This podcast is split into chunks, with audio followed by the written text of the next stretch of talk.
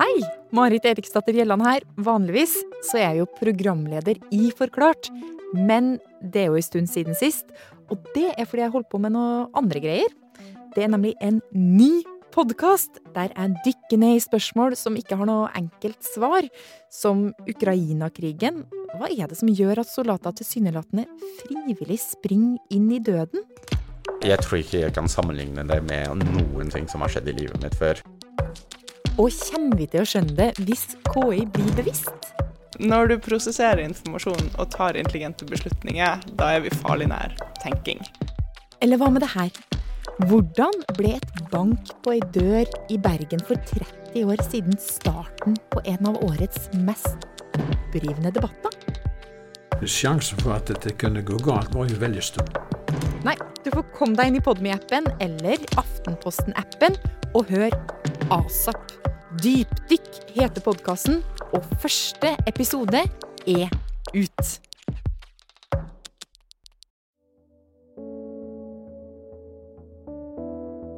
En natt i oktober i fjor, i Kongsberg, fanger overvåkningskameraet på en bensinstasjon opp en dramatisk hendelse.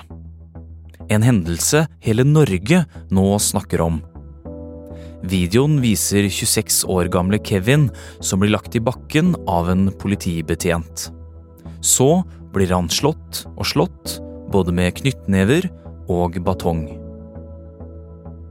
Nå er politibetjenten tiltalt. Og kanskje har et overvåkningskamera på Esso hindret et justismord. Hendelsen har satt i gang en debatt om hva politiet får lov til eller ikke.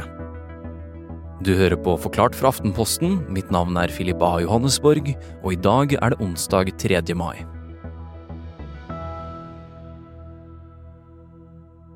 I videoen som Dagbladet har publisert, så eh, er vi på en eh, Esso-stasjon i Kongsberg klokka kvart på to om natta. Og så ser vi en situasjon med en vennegjeng, eh, en vekter og to politibetjenter, og så er det noe som skjer som gjør at en av politimennene gyver løs på den ene i denne vennegjengen. Andreas Slettholm er kommentator i Aftenposten, og videoen han beskriver her, er fra et overvåkningskamera på en bensinstasjon i Kongsberg. Andreas, hva skjer etter denne hendelsen?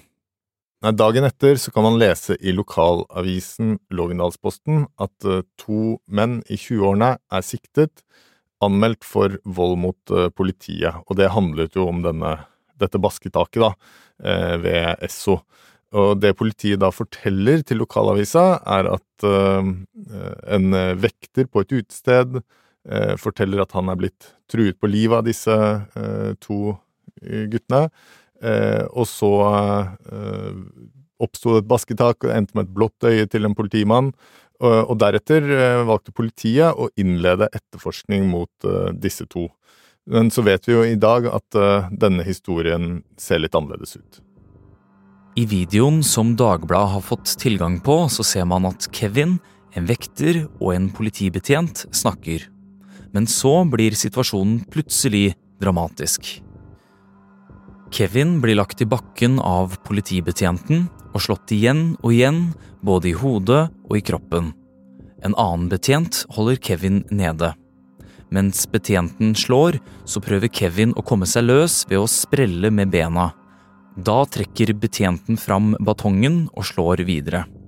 Også en av kompisene til Kevin som prøver å bryte inn i situasjonen, blir slått mot med batong. Og nå har Spesialenheten tiltalt den ene politibetjenten. Altså, det er mye vi ikke vet om denne hendelsen. Vi har uh, sett en video og uh, lest uh, kommentarene rundt den i mediene, men vi hører jo ikke hva som blir sagt på videoen. Vi har jo liten sikker informasjon om det som har skjedd rett før. Sånn at når dette er blitt en stor sak, så må man ha med seg det. At det skal være en rettssak som skal bringe klarhet i hva som faktisk har skjedd her. Ifølge tiltalen så har uh, politimannen uh, brukt uh, vold mot en annen person. Han har lagt eh, en av disse mennene i bakken og slått han gjentatte ganger i hodet og på kroppen med knyttneven. Og han er også tiltalt for å ha slått eh, en av de andre eh, med stor kraft med, med batong i låret, som eh, medførte hevelse og smerter i flere dager etterpå, som det står. Den tiltalte politibetjentens advokat, Jon Christian Elden, sier til Dagbladet at betjenten føler seg forhåndsdømt. Advokaten sier også at den tiltalte vil forklare seg i retten om hva som har skjedd. Hele denne saken blir jo snudd på hodet når dette overvåkingsmaterialet dukker opp.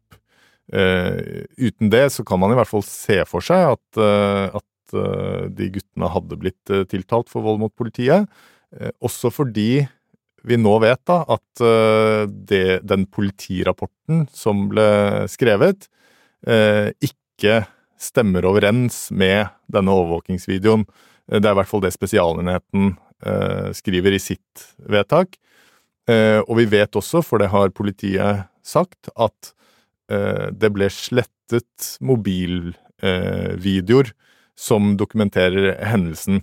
Eh, og det er jo to eh, forhold som også er veldig alvorlig i tillegg til eh, volden. Hvorfor er dette så alvorlig da, Andreas? Det å gå inn og slette videoer, det er ikke noe politiet kan gjøre uten videre. Det krever jo en, en hjemmel, som det heter, altså et grunnlag. Men spesielt dette med denne politirapporten, da, som er uriktig. Hvis, hvis det stemmer, så er jo det noe som er egnet til å svekke liksom, den alminnelige tilliten til politirapporter, som er et veldig viktig dokument i nesten alle straffesaker. Og eh, Spesialenheten sier jo nettopp det selv, at uh, denne saken er egnet til å, til å svekke tilliten. Ja, men nå da, Andreas, hva vil skje med politibetjenten? Så Den ene betjenten må jo da møte i retten, tiltalt for, uh, for vold og, og ha sviktet uh, sin tjenesteplikt, som det heter.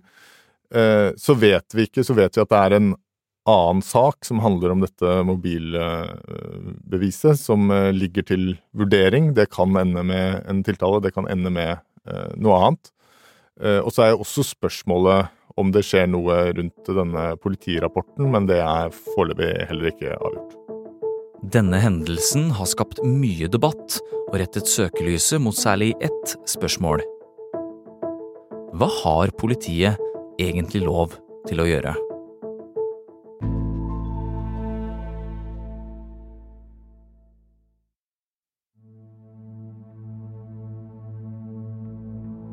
Politiet i Norge har det som kalles voldsmonopol, noe som betyr at politiet er det eneste som har lov til å benytte seg av vold. Men det er kun i situasjoner som tillater nettopp det voldsbruken og maktmidlene eh, Altså enten det er Det kan jo være trenger ikke være vold, det kan være pepperspray, det kan være pålegg, mange forskjellige ting. De må alltid være forholdsmessige. Og det betyr jo at de da ikke skal være eh, sterkere og mer inngripende enn eh, det situasjonen tilsier. Så hva er politiets jobb da i en slik situasjon? Mange av situasjonene som politiet håndterer, kan være ganske intense. Folk kan være sinte. Eh, folk kan være fulle, folk kan føle seg urettmessig behandlet.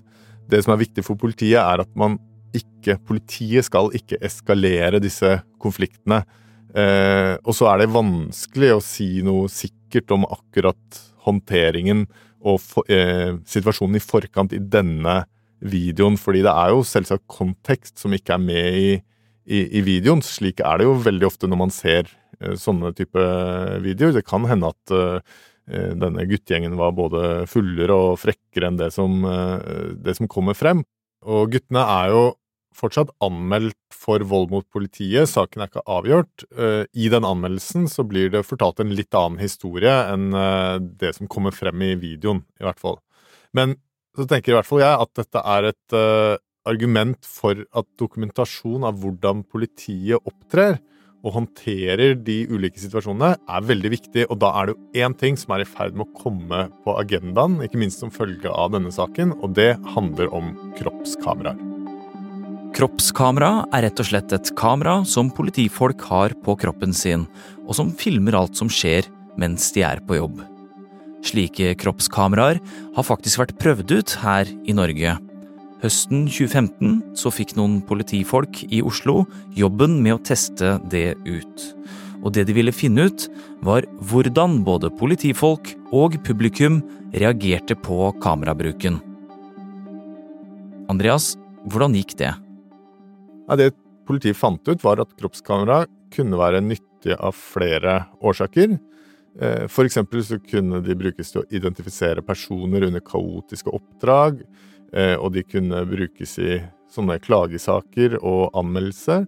Og så kan de jo da også brukes eh, som læring, og som de kan forskes på, ikke sant, av politiforskere og, og, og andre. Så selv sa egentlig politiet at kamera på politiuniformen kunne være et godt verktøy. Ok, men hvis erfaringene var så gode, hvorfor har ikke politiet tatt i bruk kroppskamera da?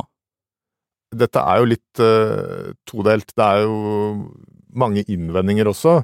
Uh, en, en, sånn åpenbar innvending er at uh, det er noe annet å sitte og se på en sånn video i ettertid, kjølig ved, ved PC-en din, enn å være der. sånn at forståelsen av videoen i ettertid kunne være, kunne, kan bli ganske annerledes. Eh, og så er det jo et spørsmål om personvern og overvåking. Dette vil jo innebære at eh, tilfeldige folk også vil bli filmet i ulike situasjoner. Eh, og så eh, er det jo en del praktiske spørsmål rundt eh, skal de alltid være på, skal de skrus på i skarpe eller vanskelige situasjoner? Sånn at, eh, sånn at dette er ikke rett fram, men det er en del avklaringer som må gjøres. Men hva skal til for at det blir tatt i bruk, da? Nei, kanskje kan uh, denne saken uh, være én grunn til at uh, man i hvert fall kommer nærmere. Det kreves jo også en tydelig politisk vilje.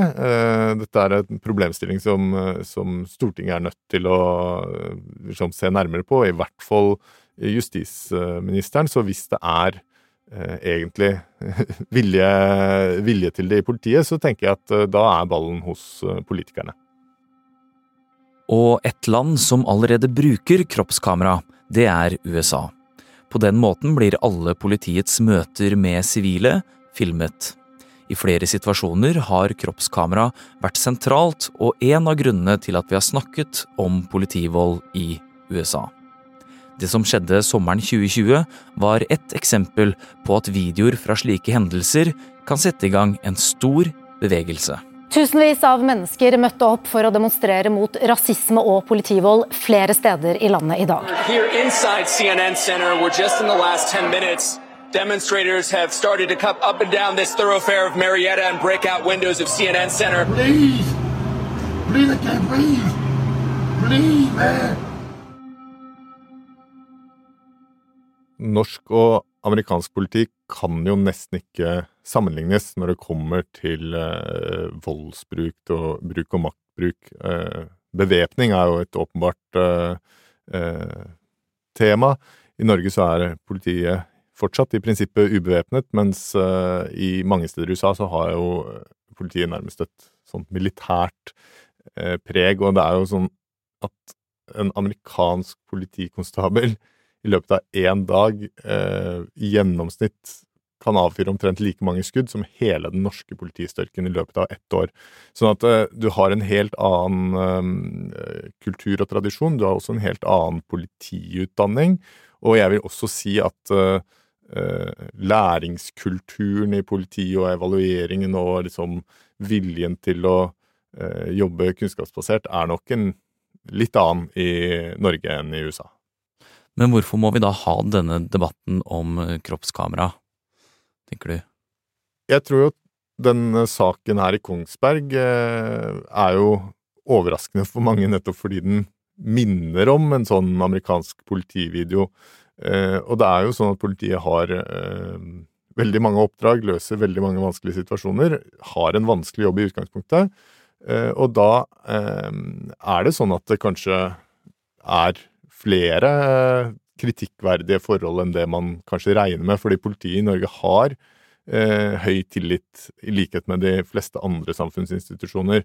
Men tilliten er jo ikke noe man eh, skal ha bare fordi man er politi, det må jo være fortjent, eh, og det er det politiets legitimitet hviler på.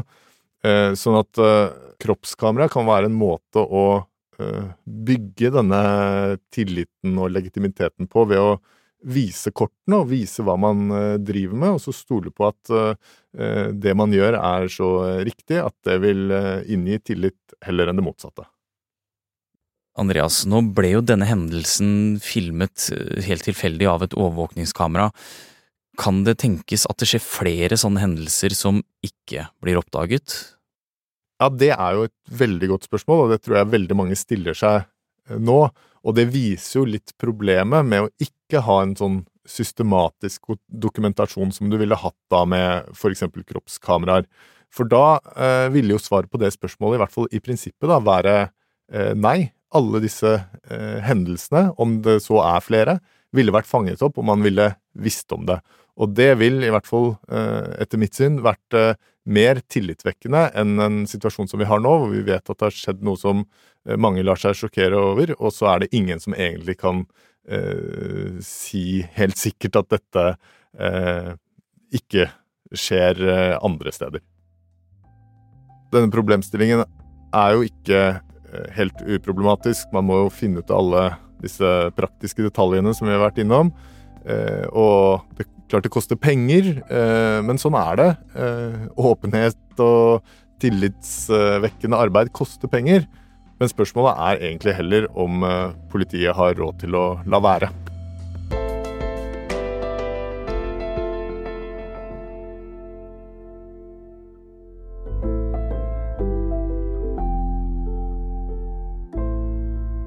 Du har hørt en podkast fra Aftenposten. Det var kommentator Andreas Slettholm som forklarte deg saken. Du har hørt lyd hentet fra NRK, CNN og politiet i Minneapolis. Denne episoden er laget av Jenny Førland, Olav Eggesvik og meg, Philip A. Johannesborg. Resten av Forklart er Synne Søhol og Anders Weberg.